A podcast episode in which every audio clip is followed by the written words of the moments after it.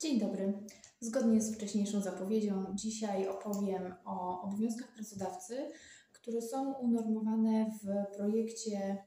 e, ustawy w zakresie zmiany kodeksu pracy, e, a dotyczącym pracy zdalnej. E, w artykule 67 ze znaczeniem 24 wymienione są obowiązki pracodawcy i są nimi po pierwsze zapewnienie pracownikowi materiałów i narzędzi pracy, z których e, może korzystać w trakcie wykonywania pracy zdalnej. E, po drugie, pracodawca będzie zobowiązany do pokrycia wszelkich kosztów związanych z instalacją, serwisem czy eksploatacją tych narzędzi pracy bądź urządzeń E, jak również e, będzie musiał pokryć na przykład koszty energii elektrycznej e, czy koszty łączy internetowych no, w, w sposób, który będzie odpowiadał, będzie adekwatny do wykorzystania w związku z wykonywaniem pracy zdalnej przez pracownika. Jak również będzie on, będzie pracodawca zobowiązany do tego, żeby zapewnić oczywiście wszelkie przeszkolenia, chociażby y, szkolenia związane z BHP, y, szkolenia dotyczące ochrony danych osobowych y, czy ochrony informacji poufnych. Przykładowo, wszystko zależnie od, od tego, jak, czego pracodawca będzie oczekiwał od pracownika i jakie są procedury wewnętrzne stosowane w danym przedsiębiorstwie. Dlatego, że oprócz tych stricte kodeksowych wymogów, strony sobie mogą ustalić na piśmie no, zgodnie ze specyfiką e, udanego pracodawcy, ze specyfiką pracy czy ze specyfiką danego przedsiębiorstwa bądź e, stanowiska pracy, mogą sobie indywidualnie ustalić te kwestie. E, co więcej, w, w takim właśnie mm, obopólnym oświadczeniu strony mogą sobie ustalić kwestie związane właśnie z pokrywaniem kosztów. E, te koszty, sposób e, pokrywania tych kosztów no, może być dwojaki, bo on może być na przykład uzależniony od tego, e, ile godzin pracownik przepracował w danym miesiącu, albo to może być jakiś stały ryczałt, który jest określony pracowni- pomiędzy, w oświadczeniu pomiędzy, w porozumieniu pomiędzy pracownikiem a pracodawcą. Może to być ekwiwalent pieniężny też za, za wykorzystanie narzędzi, e, na przykład laptopa, e, telefonu komórkowego, które stanowią prywatną własność pracownika, a są wykorzystywane do realizacji obowiązków służbowych. I w takim porozumieniu e, strony określają zasady wynagradzania. I wprawdzie tutaj z tego, z tego projektu zmiany ustawy nie wynika dokładna kwota, jaki miałby być to ryczałt, natomiast zasady określania tego ryczałtu właściwie nie, nie różnią się od tych zasad, które dotychczas e, obowiązywały, czy aktualnie obowiązują w kwestii e, pokrywania kosztów wykorzystania prywatnych e, narzędzi czy pr prywatnego mienia pracownika w celu wykonywania obowiązków służbowych. A więc przy, przy ustalaniu wysokości ekwiwalentu albo ryczałtu bierze się pod uwagę po pierwsze normę zużycia tych materiałów i narzędzi pracy, cenę rynkową, na przykład cenę laptopa, jak również y, ilość wykorzystanego na, na potrzeby pracodawcy materiału, jego ceny rynkowe, normy zużycia energii elektrycznej oraz koszty dostępu do łączy telekomunikacyjnych. E, co więcej, e, projekt przewiduje, że oczywiście ta, e, to świadczenie ze strony pracodawcy na rzecz pracownika, czyli ta, taka, ten ekwiwalent za wykorzystanie narzędzi, narzędzi prywatnych czy, czy, czy rzeczy prywatnych, mienia prywatnego przy wykonywaniu pracy nie będzie stanowiło przychodu w rozumieniu przepisów ustawy o podatku dochodowym od osób fizycznych, a więc nie będzie to świadczenie opodatkowane. E, pracodawca ma również obowiązek określić procedury ochrony danych osobowych, e, jak również przeprowadzić stosowne szkolenie, no, w zależności od tego, jak to faktycznie funkcjonuje w przedsiębiorstwie. To może być procedura, która jest wysłana elektronicznie i jest przekazana pracownikowi, a pracownik potwierdza przeczytanie, zapoznanie się z tymi warunkami i zobowiązuje się do tego, żeby, że będzie tych warunków i tych procedur przestrzegał. Pracodawca ma również prawo do przeprowadzenia kontroli w miejscu wykonywania pracy zdalnej przez pracownika. No co ważne, no, oczywiście ta kontrola powinna być e, wcześniej no, powinna być wcześniej ustalona z pracownikiem, przynajmniej termin tej, kontroli, natomiast to tak na dobrą sprawę wynika z porozumienia, które by było z, z pracownikiem za, zawarte. Co ważne, ustawa przewiduje, że ta kontrola może się odbywać wyłącznie w godzinach pracy, jak również wykonywanie tych czynności kontrolnych nie może naruszać prywatności pracownika czy na przykład domowników e, zamieszkujących w domu czy w mieszkaniu, w którym ta praca zdalna jest świadczona. Jeżeli pracodawca w trakcie kontroli pracy zdalnej stwierdzi uchybienia w przestrzeganiu przepisów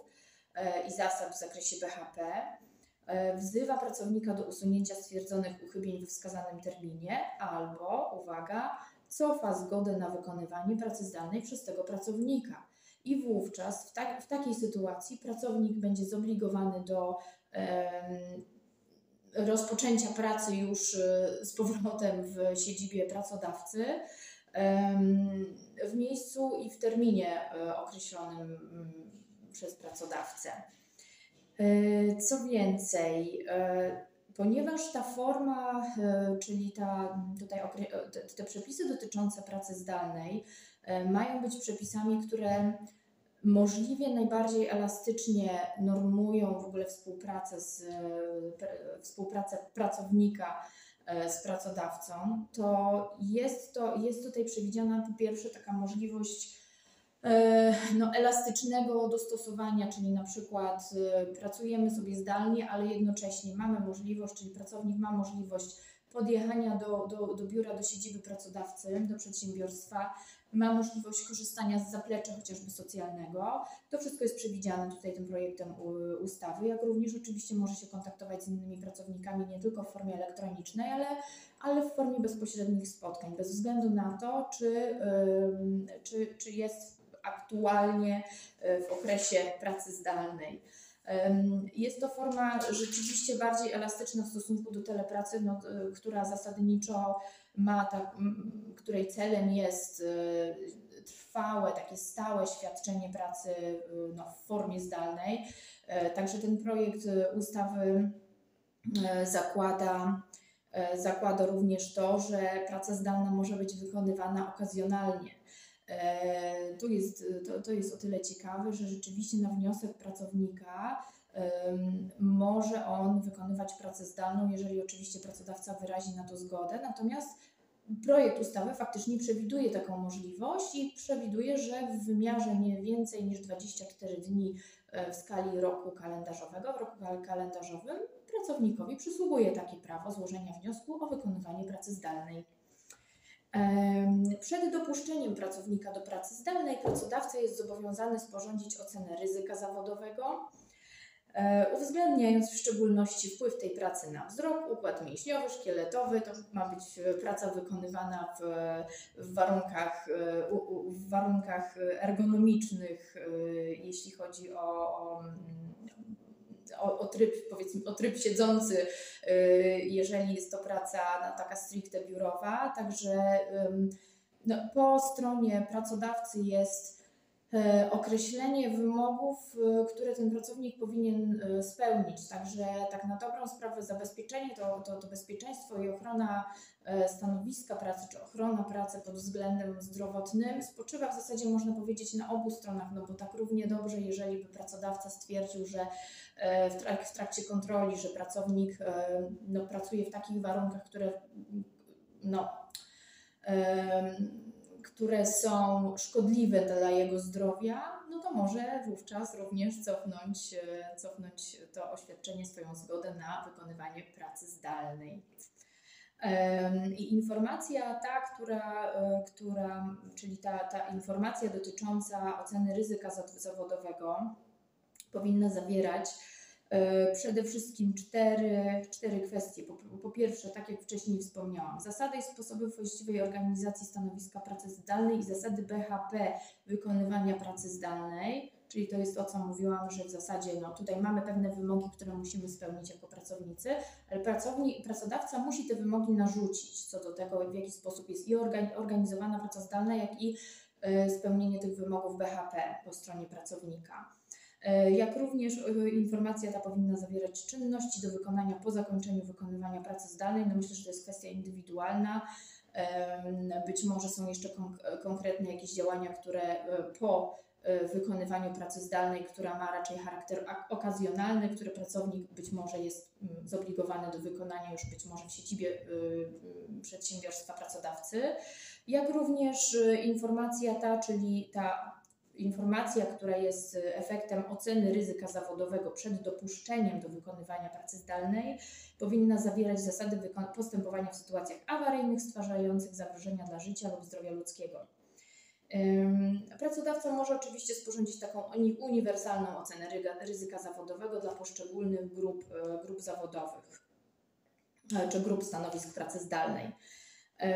Przed dopuszczeniem do wykonywania pracy zdalnej pracownik potwierdza zapoznanie się z tą e, informacją i oceną ryzyka zawodowego e, i dopuszczenie pracownika do wykonywania pracy zdalnej jest uzależnione od potwierdzenia przez pracownika, że zapoznał się i że będzie przestrzegał e, tych zasad oraz zapewnia bezpieczne i higieniczne warunki pracy. To jeśli chodzi o kwestie pracy zdalnej i obowiązków e, pracodawcy w poprzednim, e, w poprzednim moim nagraniu. Określiłam e, kwestie związane z zasadami w ogóle, jak, jak wygląda ta, ta, to, ta regulacja e, od strony prawnej, e, jeśli chodzi o w ogóle wprowadzenie pracy zdalnej do kodeksu pracy. No, Mogę jeszcze tylko dodać, że w momencie, kiedy ta regulacja zostanie wprowadzona, wówczas e, usunięte zostaną przepisy, uchylone, przepraszam, zostaną przepisy dotyczące telepracy, która aktualnie obowiązuje i zastąpiona zostanie telepraca właśnie tą regulacją dotyczącą pracy zdalnej. Dziękuję za wysłuchanie, obejrzenie i zapraszam do obejrzenia kolejnych wystąpień. Małgorzata Krzyżowa.